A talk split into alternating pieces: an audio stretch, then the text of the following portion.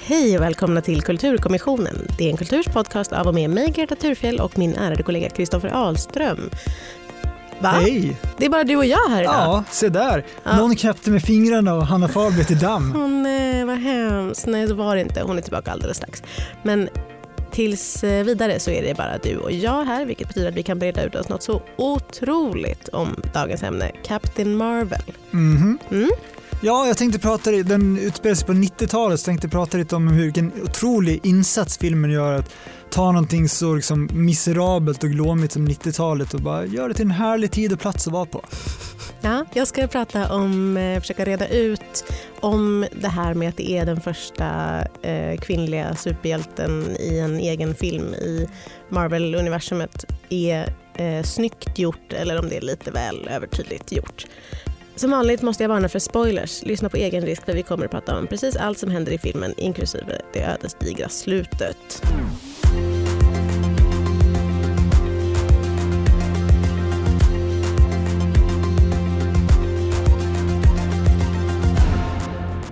Året är 1995 och Veers, en ung kvinna med minnesförlust och mystiska krafter spelad av Brie Larson, jobbar för den utomjordiska rasen Krees militär. Under ett uppdrag blir hon kidnappad av fienderasen Skrulls men lyckas fly och hamnar på planeten jorden. Tillsammans med Shield-polisen Nick Fury upptäcker hon att hon i själva verket är en amerikansk stridspilot vid namn Carol Danvers, att hon förklarades död i en märklig flygolycka sex år tidigare och att hennes Kree-kompisar kanske inte är så vänligt sinnade som hon trodde.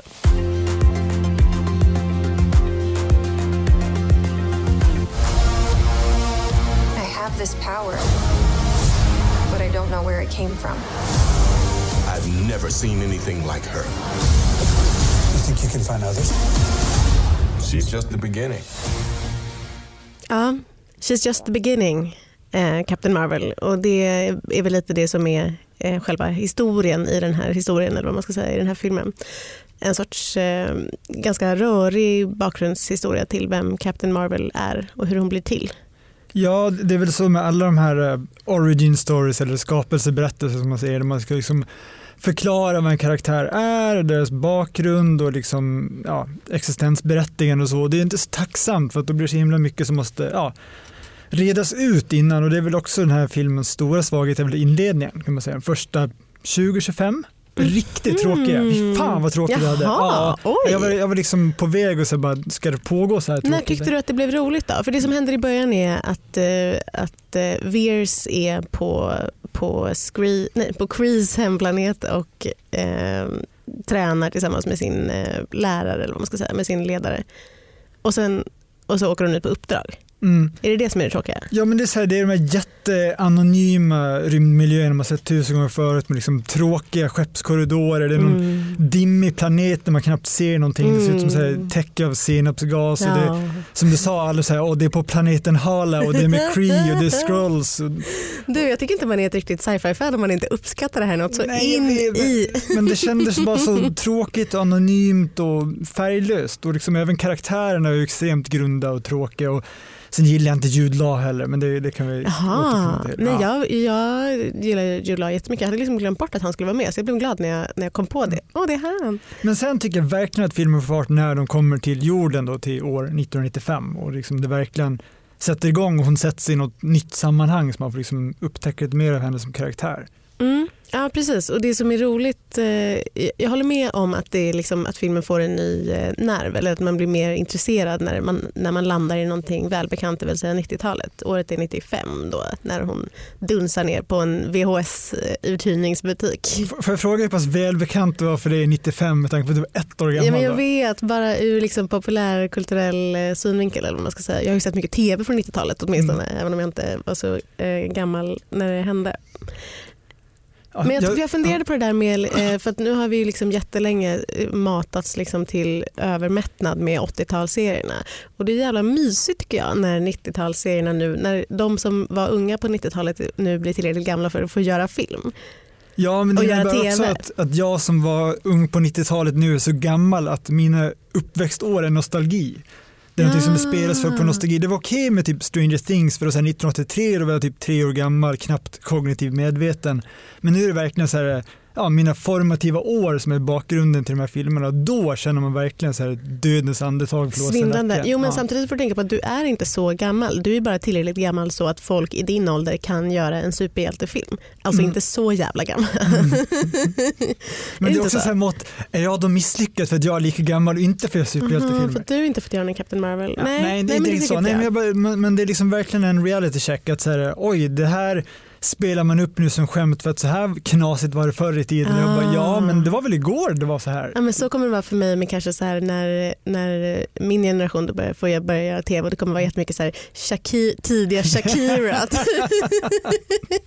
men det som är så, det är så mysigt i det här då för mig som, bara, som liksom har den så här, åh, tänk om man hade varit ung på 90-talet eh, relationen till 90-talet. Eh, att hon så här, har på sig en Nine Inch Nails tröja som hon snor från ett, en skyltdocka. Det är så underbart. Men det var så, förlåt, jag vill bara säga, det skulle du inte alls längta efter för det var rätt pissigt att vara ung på 90-talet. Det var liksom, allting var så depressivt, det var så här grunge, det var alternativa men eh, vet du vem du pratar med?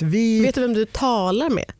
För 80-talet var ju glatt. Tror det du att jag inte skulle ha gillat grungen? Alltså, vet du, jag liksom är, var ung på 00-talet. Hur jävla kul tror du det var? Vi hade men bara du- Shakira. 90-talet var liksom, det var cynismen, det var att vara Ja. desillusionerad, det Ja. var liksom slackerandan, det fanns liksom och och man skulle klä sig i gamla trasiga i malätna koftor och liksom säckiga byxor. Det fanns liksom ingenting av det där som, som hade liksom samma, för mig i alla fall, då, nostalgiska skimmer som 80-talet där liksom allting var så stort och fluffigt och bombastiskt och Jag tror jag hade gillat både sprakande. 80 och 90-talet. Alltså jag klagar inte på när jag växte upp heller. Det var väl toppen med det där. Men, eh, men det är mycket sånt som bara är mysigt. Men eh, en annan sak som är eh, väldigt mysig då är att man får se Samuel L. Jackson spelar en väldigt ung, eller väldigt ung, klart yngre än i de andra tidigare Marvel-filmerna, Nick Fury. Ja. Digitalt föryngrad med 25 Spelar år. han så mycket yngre tänker jag när jag ser filmer? För absolut, de gjorde ett jättebra jobb digitalt med liksom Det är väldigt övertygande. Ja, men absolut, Ja, jättebra. ja. Hans hårlinje har liksom fått den här widows peak som man säger på engelska, Ja, här liksom. V-formade hårfästet. Eh, och det är väldigt övertygande liksom med hans, eh, ja, de har tagit bort rynkor och, Mm. och leverfläckar och så vidare. Men de har inte gjort åt någonting hans fysik. Kunde de inte bara gett han liksom en body double, det är han springer i korridoren nere med här filarkiv i Jaha, du tycker han underjordiska rör labbet. sig som en gammal man? Han rör sig som en gammal, Ah. han flåsar, han joggar som han är 72. Men hur gammal är Samuel L. Men Jackson jag tror i han är verkligheten? runt 70 alltså. Alltså för 25 år sedan var han ändå 50-ish. ja, Så jo. inte jätteung. Nej men det är ändå, så här, det är ändå actionscener, det påminner mig jättemycket Kristoffer, om... snart kommer du också börja röra dig som en du, jag hade fyra skador förra året efter träning så att du vet det. Nej men jag tänkte på, jag jämförde det i huvudet med Harrison Ford i nya Blade Runner-filmen Ja. han ska springa i det gamla kasinot. Ja. Och man bara, nu borde ni alltså speeda upp uppspelningshastigheten på filmen för att man ser att det här är så långsamt. och Joggar fram ja, så. Ja. Flåsande joggande. Men för så, eh, vi som har sett de tidigare Marvel-filmerna har ju då en ganska eh, stark relation till eh, Nick Fury och den är ju hur, hur tyckte du att det var att se honom som så här, en helt vanlig eh, man på golvet? Så? Ja, För han men- är ju vanlig polis. Typ. Men, men det är väl också klassiskt eh, knep när man har här, etablerat hur en karaktär är och Nick Fury ofta så här, ja, han, liksom, han är ju Samuel Jackson så han är en coolsnackande, Mm. cynisk, hårdnackad Mm. typ. Och han har koll på då, läget. Liksom. Precis, och då ska de då backa tillbaka till ja, vad det nu blir, 30 år tidigare och liksom visa hur han var innan. Han var mycket Mm. mer så här, ja, oförstående, naiv. Han gullar mycket med katter i filmen som jag antar att jag får understryka att han var en helt annan person förut. Liksom. Mhm, men det tänker jag är rätt eh, on-brand för, för även gamla Nick Fury. Det känns som att han har en lite sån quirky sida som, han kan, som kommer fram lite grann ibland. Ja, det kanske. Det, men det får ju en också fundera lite så här på the actual Nick Fury, alltså som Marvel-universumet. För att om det här liksom då ska vara den tidiga Nick Fury, hur var liksom, mm. och från början var ju, han var väl, jag tror han var major i eh, amerikanska armén under världskriget. Så det har liksom funnits med parallellt med typ Captain America, de tidiga Marvel-serierna. Men så har man liksom uppdaterat både hans roll och vad Shield är. För det är det som också är så förvirrande. Att Men de var, precis, varför finns Shield? För det tänkte jag jättemycket på. När, om, för Shield är ju, så man känner Shield är ju att det är liksom eh, polisen för superhjältar. Eller jag, jag... Mm, det var för att du 1998 inte gick och såg filmen Fury med David Hasselhoff i rollen som Nick Fury. Nej. Då, ja, det Visste inte ens att en- den fanns. Ja, jag tyckte att den, jag minns den som bra men jag såg att den är 3,7 av 10 på IMDB så det kan vara mitt oj. unga sinne som Men vad gjorde Shield då innan, innan de upptäckte Ja. att superhjältarna fanns? För det här är ju första gången som de kommer i kontakt med en superhjälte. Precis, och det tycker jag är lite synd med den här nya Marvel-filmen för då verkar det som att Shields enda funktion är att liksom så här samordna olika superhjältar. Mm. Åk dit, åk Mm. dit. Från början Ja, är de ju någon slags... De är som superhjältarnas fackförbund, typ. Ja, organiserar precis. superhjältar. Men egentligen är de ett, ett ganska liksom autonomt här, spionorganisation. De har ju bytt väldigt mycket vad den här liksom, eh, Akronymen, akronymen står för. står för, Ja, precis. Eh, Men, men det, de har varit allt från så här ett ja, snarlika CIA, de har varit liksom en Mm. försvarsorganisation som lyder under FN, så det finns liksom jättemånga olika ja, versioner genom åren av de här. Så det blir också lite knasigt då när det helt plötsligt ska vara som de är nybildade på 90-talet eller att de är en helt färsk eh, organisation som inte har en aning om att det finns människor med extraordinära förmågor. Mm, men det var lite förvirrande men jag tyckte att det så här bidrog till alla de här som var så här lite taffliga grejer som, är, som det ju ofta blir i en origin story. Att man bara, ah, vi förklarar det här men vi skiter i det där. tyckte jag bidrog till att, det var, att jag fick en sån känsla och särskilt av de första 25 som du hatade så mycket av att det var ett sånt eh, eh, tvådelars avsnitt av typ ett Star Trek Voyager eh, avsnitt. Eller att det var så här, så här mysig stämning. Det är några som är gröna och så är det några som är blåa och så är det så här, hmm, vilka är egentligen de goda och de onda här? Men det är ändå så här, det är stora grejer som står på spel och ändå så är det eh, så ganska mysig stämning och det är rymdkorridorer och det är någon fight. Och, Ja, det, det är inte till Skrulls då som är liksom ursprungligen den här fienderasen Mm, de slåss mot. mm, Det är inte till deras fördel att de ser ut och det har de, det har de gjort liksom i serietidningsversionen hur länge som helst. De slogs mot Fantastiska fyran mest från början. mm. Men att de ser ut som så här, ja, klassiska gröna gubbar från lite rymden. De Ja precis, de har till och med de såna actiongröna, öron. Liksom. öron. Ja. Eller som typ orcher i Nej, Sagan jag tyckte de var jätteläskiga, alltså Skrullsen var jätteläskiga i början i Captain Marvel-filmen. Ja, ja. Alltså nu när jag såg den i vuxen ålder tyckte Ja. jag att de, var, att de var läskiga när de klev upp på stranden. Ja, men de ser bara, också "Oh, väldigt oh, oh." ehm, ja, allmänna ut som liksom rymdvarelser alltid ser Ja, de är ut. som ett barns eh, tanke om en rymdvarelse. Ja. Eh, och det är lite tråkigt tycker jag. Men, eh, men, men apropå eh, det, det du nämnde liksom vad det känns som, eller vad filmen känns som, Mm. så tänkte jag mer på, kanske med tidsandan men liksom på slutet, eller början, mitt, från mitten av 80-talet framåt kom det mycket så här buddy cop movies. Mm. Där liksom två väldigt olika personligheter möts och ska lösa ett fall och det var liksom Nick Nolte och Eddie Murphy 48 timmar, det var Mm. filmen Skjut inte min kompis. Är Ja, men- Men in Black en sån? Mm, ja, lite grann. Ja, Ehm, Det är den enda jag har sett. Ja, nej, men det, absolut, upplägget är, är väl liksom jag vet att Men in Black kom är- mycket, mycket senare. Men Mm. jag, ja, precis. Så, så det var snarare så jag tänkte på det. Att han är liksom rookien och hon är den tuffa. Och sen, Mm. som liksom, Tango and Cash var också en sån klassisk film med Kurt Russell och Sylvester Stallone. Ja. Så det, ja, det, det ja, var jag vad, fattar. Ja, vad jag men tänkte de på. har ju en ganska eh, mysig sån eh, relation i filmen igenom. Att Mm. det liksom tydligt eh, etableras ett sånt band mellan dem. Att hon säger bara, "Äh, fan, jag måste rädda honom och sen så blir de liksom vänner på något sätt. Sen är det också så, det ska väl, här kommer första spoilern kan vi väl bara flagga lite för. Att, jag tror vi har hunnit med en och annan. ja, men vi, vi var ju lite inne på att Skrulls ser så obehagliga ut och verkar så onda och de presenteras också som fiender i filmen. mm, mm. Sen plot twist visar sig att de är egentligen snälla och de är liksom ett jagat folk som, som ska förintas av de här onda ja, Cree som då Ja precis, eller precis snälla och snälla. De är, så här, de är också människor. Typ, Ja, ja men ja. lite så, det är ett förmänskligande av, av monstret liksom. Eh, och det läste jag en eh, thinkpiece som jag tyckte var rätt intressant där man jämför, för Captain Marvel är ju då, hon jobbar för Cree och hon ska liksom ta sig till jorden ehm, ja, som en del av, hon vet inte om det, men en del av Crees liksom invasionsstyrka. Mm. Eh, och att när hon sen då inser vilka som är onda och egentligen goda, att det är liksom, hela filmen är en metafor för en kolonisatör som plötsligt blir woke. Och bara aha, jag arbetar för de typ onda brittiska imperialistiska styrkorna hela tiden. Ja, visst, verkligen. Jag tänkte också så här, vem är Israel och vem är Palestina i den här, i den här Det ska vi se regissören svara på. Nu ska jag skriva en think piece om härnäst tror jag. Vi måste nog, eh, Kristoffer, prata om att Captain Marvel är den första filmen i den här eh, serien Marvel Cinematic Universe som eh, har en kvinnlig superhjälte i huvudrollen. Och också en kvinna i ena regissörstolen. Det är ett, eh, ett äkta par som har eh, Precis, och två Par kvinnor som har skrivit. Precis, och Mm. det är väl med det svenskklingande namnet Anna Boden Mm. eh, som mest har gjort, sig, ja, de har gjort ganska mycket indiefilmer och tv-avsnitt tidigare. Ja. Inte alls särskilt känt. Men absolut, det, det är väl klart att om man ska titta på, vi pratade nyss om liksom politiska tolkningar och så vidare, så är väl absolut kvinnokampen som hela den här filmen handlar om. Och inte så subtilt heller, vi kan ju bara nämna en sån sak som att den släpptes ju då över hela världen på 8 mars, kvinnodagen. Absolut, men jag skulle säga så här, för att vara en liksom, i grund och botten Disney-film Mm. eh, så är det ju ändå, det är inte, jag tyckte inte det var så mycket. Alltså, Jag tyckte så, det var supermycket. ja. Men jag, har, jag har inget problem med det. Men nej, Eh, nej, men jag har inget problem med starka kvinnor. tack gode gud för det Kristoffer.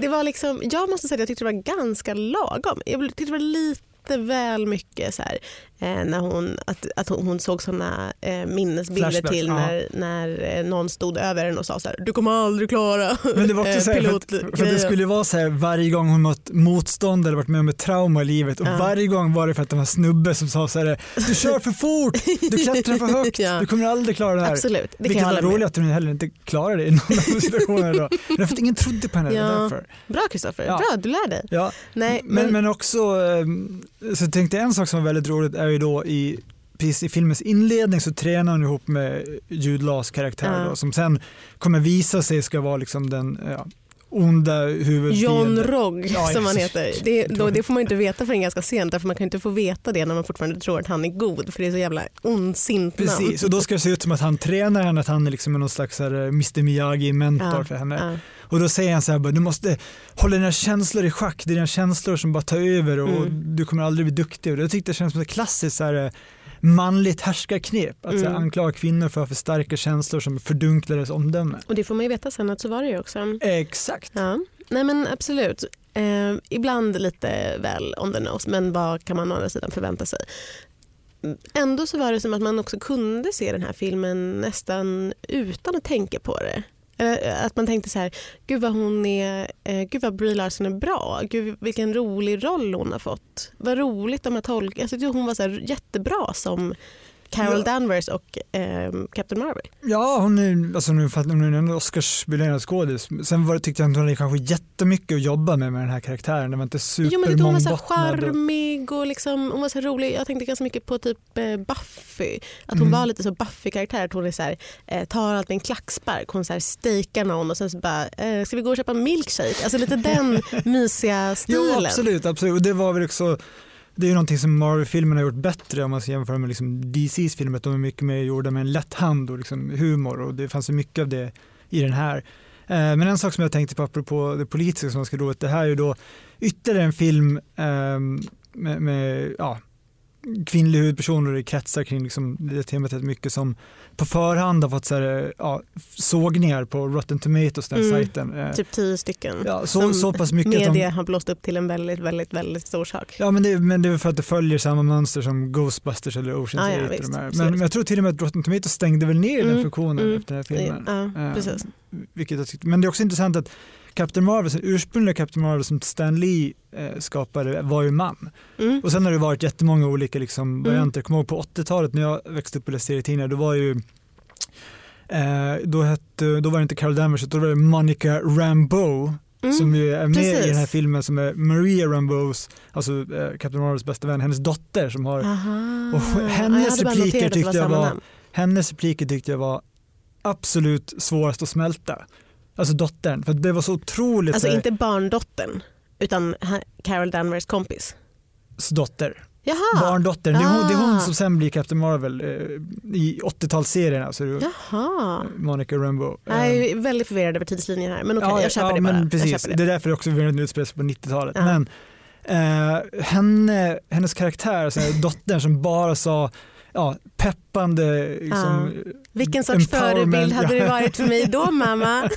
Exakt, det var, väl, det var väl inte subtilt kan man säga. Nej sannerligen inte, sannerligen inte. Men samtidigt var hon också, jag köpte allt det här. Jag tyckte de var så charmiga och så mysigt. Men får jag bara ställa en, en fråga Ja. apropå Brie Larson? Ja. Och jag vet att du inte vill att jag tar upp det här, men är hon inte en cool girl? Montage, hon sitter på krogen, Gud, hon har punkten. skinnpaj, hon dricker bärs, hon dricker stöl, stora liksom krus. Hon Nej. sjunger karaoke. Nej, Är inte det coolt? eh, det, är inte, det, är inte, det är varken coolt eller Det cool kan girl. inte cool. Alltså jag tror det är du som har missuppfattat definitionen. En cool girl är väl en snygg tjej som ändå så bejakar manliga intressen. Men det är väl inte fan inte ett manligt intresse att sjunga karaoke? Nej men hon har skinnpaj och dricker stora öl på krogen. Nej, för hon... Gud, gode gud. Hon gör det inte för att, att eh, behagliga en man, som det heter. Men också i inledningen hon är med den här liksom utomjordiska insatsstyrkan på Ja. dimmiga planeten så är det Ja. nästan bara snubbar hon har skönt banter med dem. Det tyckte jag var In, coolt. ja, men inte för att de ska vara så här, åh hon är så himla sexig den här Veers från jorden. Måste vara sexig och manlig. Fan vad svåra könsroller ni har att leva upp till. alltså. Ja, jag vet, det är verkligen inte lätt. Otroligt. Men Mm. i alla fall, nu kommer jag och säger till dig. Mm. Eh, inte för att jämföra eh, Captain Marvel med eh, Wonder Woman, DC Comics eh, megasuccé från förra året? Frågetecken. Eller var det 2017? 2017, hur skiljer sig Captain Marvel från eh, Wonder Woman egentligen? två ord. Gal Gadot. Vart var Gal Gadot? Det bästa som hänt superhjältefilmerna någonsin. Jag håller med, jag älskar Ja. också Gal Gadot. Men, eh, Men eh, ja. ehm, de är rätt olika i ton tänker jag. Och det är också det här med att mm, för, för Wonder Woman är ju rätt uppburen i jämförelse. Hon är inte så liksom, eh, charmig, rockig brud som så här, eh, är så rolig och, och liksom charmig. Nej, hon är ju en actual gudinna. Ja, precis. Så, så absolut. Okej Kristoffer, we get it. Eh, nej, men, däremot så såg jag vissa jämförelsepunkter. Jag tänker framförallt på fighting-scener. Så kommer Mm. ihåg vi pratade mycket om det när vi pratade om Wonder Woman. Den här otroliga scenen i skyttegravarna när de spelar Led Zeppelin-spåret och hon slåss för första gången. Ja. Jag fick ju samma så här eh, gåshudsrysningar när eh, Captain Marvels Lost Dear, No Doubts Just a Girl. Ja, som är en underbar låt och jag tyckte det var väldigt mysigt att de spelade eh, No Doubt i den låten men det är ju inte lite övertydligt heller.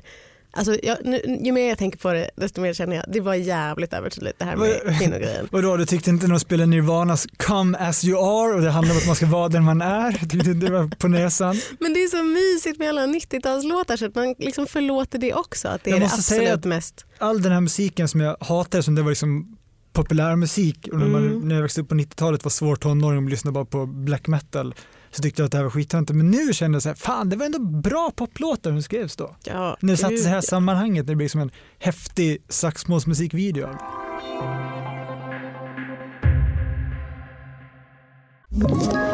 Ett poddtips från Podplay. I fallen jag aldrig glömmer djupdyker Hasse Aro i arbetet bakom några av Sveriges mest uppseendeväckande brottsutredningar. Går vi in med hemlig telefonavlyssning och, och då upplever vi att vi får en total förändring av hans beteende. Vad är det som händer nu? Vem är det som läcker? Och så säger han att jag är kriminell, jag har varit kriminell i hela mitt liv men att mörda ett barn, där går min gräns. Nya säsongen av Fallen jag aldrig glömmer på Podplay. Jag måste erkänna en sak för dig Kristoffer. Ehm, och det är inte Gretas dumma fråga utan det är liksom Gretas dumma hela sinnevärld på något sätt som blev tydligt för mig när jag såg den här filmen. Fortsätt. Jag eh, var på, såg den på bio förra veckan eller helgen och, och eh, satt hela filmen. Jag ska säga att jag, har, jag hade, in, nu har jag gjort det men jag hade inte sett eh, Avengers Infinity War. Jag har sett eh, de flesta av de gamla filmerna men av någon anledning inte den. Men kände att jag hade ganska bra koll på så här, vad som händer i den för jag hade läst så mycket think pieces du vet. Men i he, genom hela filmen så var jag så här, men hur fan går det här ihop? För den här gröna scrollen, eh, scrollledaren Talos, Mm. hur blir hans, är det han som, hur, för hur går det ihop med att han sen blir, Thanos.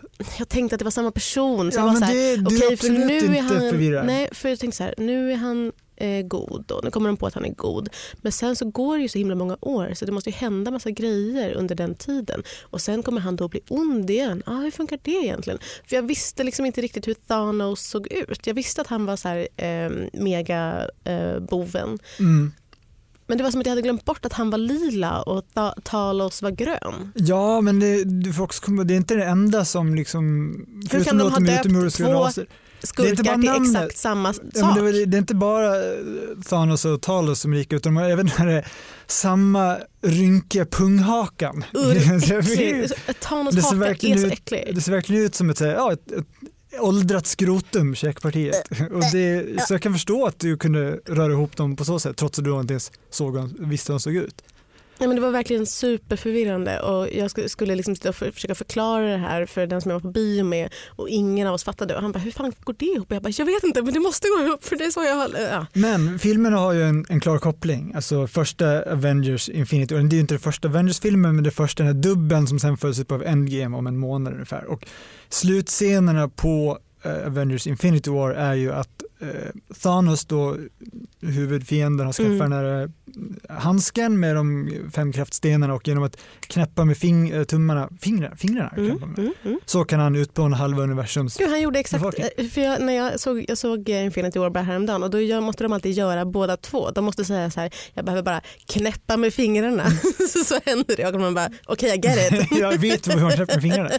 Ja, och då slutar ju den då med att eh, ja, halva universums befolkning vittrar bort som damm och blåser bort. Mm. Gud Och- vad läskigt det var. Och det sker ju även då med Nick Fury, men precis innan det sker så hinner han knappa in liksom en alarmsignal på sin eh, personsökare som når då Captain Marvel och det var liksom eh, cliffhanger till det som sen i den här filmen ska förklara vem är Captain Marvel, varför är hon så mäktig att hon behövs nu. Precis, och så har hon byggt om eh, i Captain Marvel då, så bygger hon om hans eh, söta 90-tals pager så att, den, eh, så att den ska funka och kontakta med Når över hela galaxen. intergalakt, galaktiska Mm. meddelanden. Precis, och, det, och då tänker man så här, men hur mäktig kan en sån person vara efter de väntar liksom till en, typ, den tredje Avengers-filmen de ringer in. Jag menar, den, den första Avengers-filmen är liksom verkligen en intergalaktisk invasion där halva New York raderas och ingen tänker tanken, hmm, vi kanske borde kontakta Captain Marvel i det här läget, utan de lyckas ändå. Som Nej för precis, och jag fattar inte riktigt heller varför de så här har ägnat då nästan 25 filmer åt att bygga upp det här stallet av så här superhjälte på superhjälte. De är så jävla många nu Ja. så det är helt sanslöst. Och sen så räcker de ändå inte till så måste de ändå kalla på Captain Marvel. Jag vet, Inte det det, det konstigt? är det som är lite orättvist mot henne och den här filmen. Att så bara, okej, vi har gjort 21 filmer, fuck nu måste vi göra en origin story. Vilket man ju då gjorde liksom med Iron Man 2008, Captain America 2010 Mm, tror jag mm. var. Vilket också gör att när alla andra filmer har skapat som momentum så att den förra Avengers-filmen var ju mer eller mindre två och en halv timme slagsmål som man har, den här slutstriden som man Mm, bara väntar på i mm, 20 filmer. Mm. Och sen bara nej, för nu måste vi bromsa in lite så måste vi presentera den här karaktären. Vilket ju är lite otacksamt då såklart. Eh, och också skapar massa retcon som man säger. Eh, att det blir svårt att förklara bort varför hon inte dykt upp tidigare om hon var så jäkla viktig. Och Ja, Dessutom kom redan på 90-talet när de andra liksom uppenbarligen lever i vår tid. men precis vad fan har hon gjort all den här tiden? Mm. Men, men för i den här då, i Captain Marvel eftertexterna, det är ju en sån klassisk Marvel-grej att alla riktiga, eh, alla äkta skallar sitter kvar hela eftertexterna för man vet att det kommer fler scener som det alltid gör i de här filmerna i eftertexterna, efter eftertexterna. Och i mitten av eftertexterna i Captain Marvel så får man ju se en scen som är då klippt från Avengers Endgame som kommer med en månad där Avengers-gänget, de som finns kvar, står och är liksom tjucketh över hur många miljarder människor som har vittrat bort till damm efter det som har hänt i Avengers Infinity War. Och så dyker Captain Marvel upp och frågar “Where's Fury?” och hon vet inte om att han har vittrat bort han också. Då. Mm.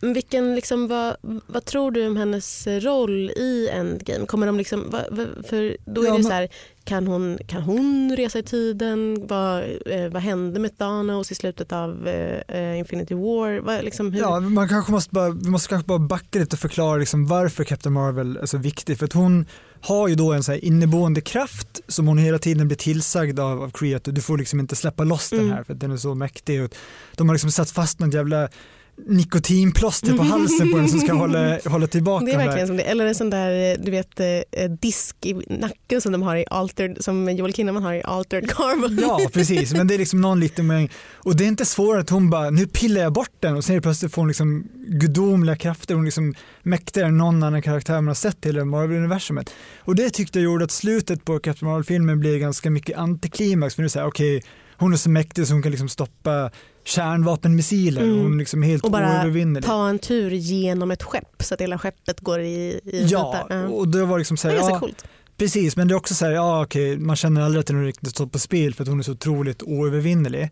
Samtidigt så måste man väl bygga upp karaktärerna så för att känna så här att när, vad det nu är, sju, åtta Marvel-hjältar sig på Thanos och han spöar med ja, utan Mm. större problem så Mm. behöver man liksom någon som verkligen är en värdig motståndare för honom och då kommer väl hon in där. Och det är väl det som är tanken, det är väl det som hela den här filmen och slutet på förra Avengers byggde upp mot att nu behöver vi verkligen en värdig motståndare till Thanos. Men efter Endgame, vad, vad ska hända då? Vet man det? Oj, alltså om du menar handlingsmässigt så vet jag inte. Det blir väl, det finns massa vägar man kan gå men framförallt kan man bara säga att det är långt ifrån över för nu såg jag att Captain Marvel har ju spelat in nu över 5 miljarder. Mm, Den hade premiär Ja, den i fredags, succé. det är på mindre än en, vecka, en halv vecka spelade 5 miljarder. En miljard bara Kina som är en så otroligt viktig marknad. Eh, Black Panther 2 också enorm succé. Eh, spelar de in uppföljaren på nu, kommer säkert in uppföljare på Captain Marvel.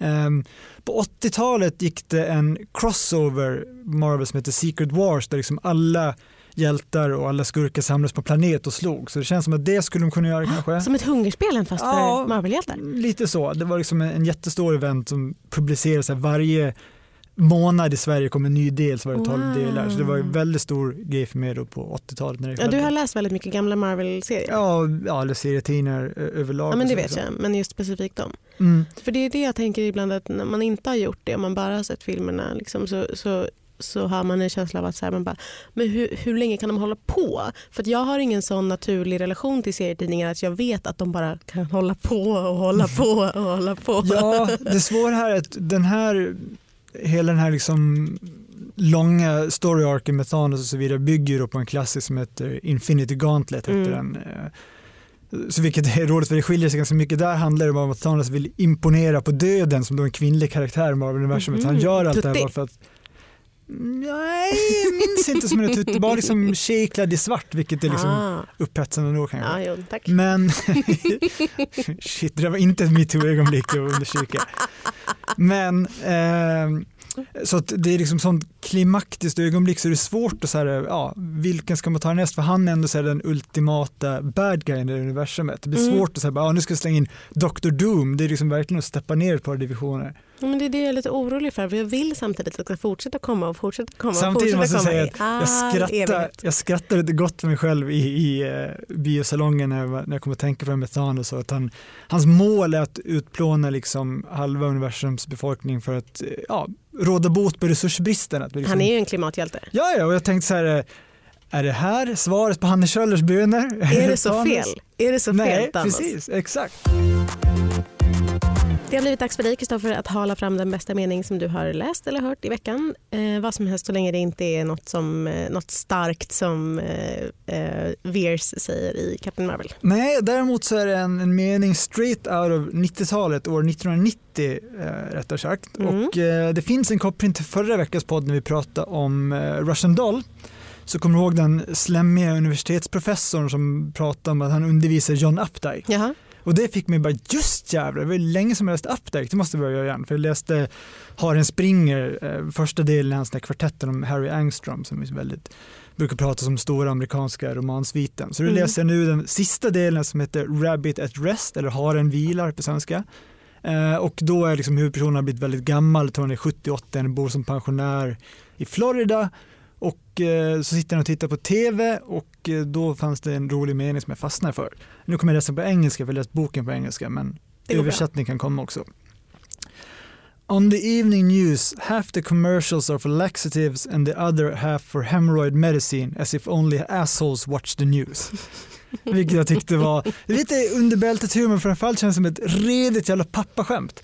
Och det kändes verkligen som någonting den generationen, eller min pappa, 40-talisten, skulle kunna säga och skrocka lite förnumstigt för sig själv. Ja fast också ganska typ eh, Douglas Copeland Ja, grej, kanske. eller? Jag är lite mediekritisk. Ja, Ja, ja, absolut, ja. absolut. Vad har du för mening med dig? Jag har med mig en eh, mening från Slate som, jag, som är en eh, rubrik från Slate som jag läste och kastade mig över. Får man säga. Den lyder så här. Is Sarah Michelle Gellar's mug cake a tribute to human ingenuity or a sign of the end times? Oj, där får du förklara kontexten lite. Sarah Michelle Gellar, min älskling, redan nämnd i den här podden eftersom hon spelar Buffy i Buffy the Vampire Slayer.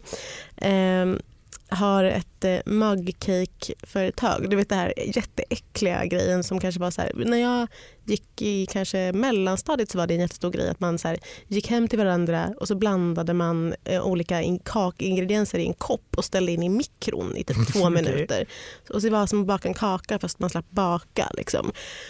Okej. Eh, och på eh, Slate då så finns det då en genomgång av de här mugcakesen som nu har börjat säljas som färdiga mixar så att man slipper eh, blanda ner ett ägg och sånt där. Man bara tillsätter vatten och så, så stoppar man det i mikron. Och ifall det, och så är det väldigt många som då har varit eh, ledsna för de här mugcakesen då, för det är så fruktansvärt deppigt. Och det är fruktansvärt deppigt. Eh, men det är en väldigt eh, rolig mening och det är väldigt roligt att eh, min Kan du läsa älskling- den igen bara du dragit kontexten? Is Sarah Michelle Gellar's mug cake a tribute to human ingenuity or a sign of the end times? Ja, det är drastiskt, jag gillar det. Med det så tackar veckans kulturkommission för sig. Vi är ett samarbete mellan Bauer Media och Dagens Nyheter och vi heter Greta Thurfjell och Kristoffer Ahlström. Tekniker var Oliver Bergman. Hej då! Hej då!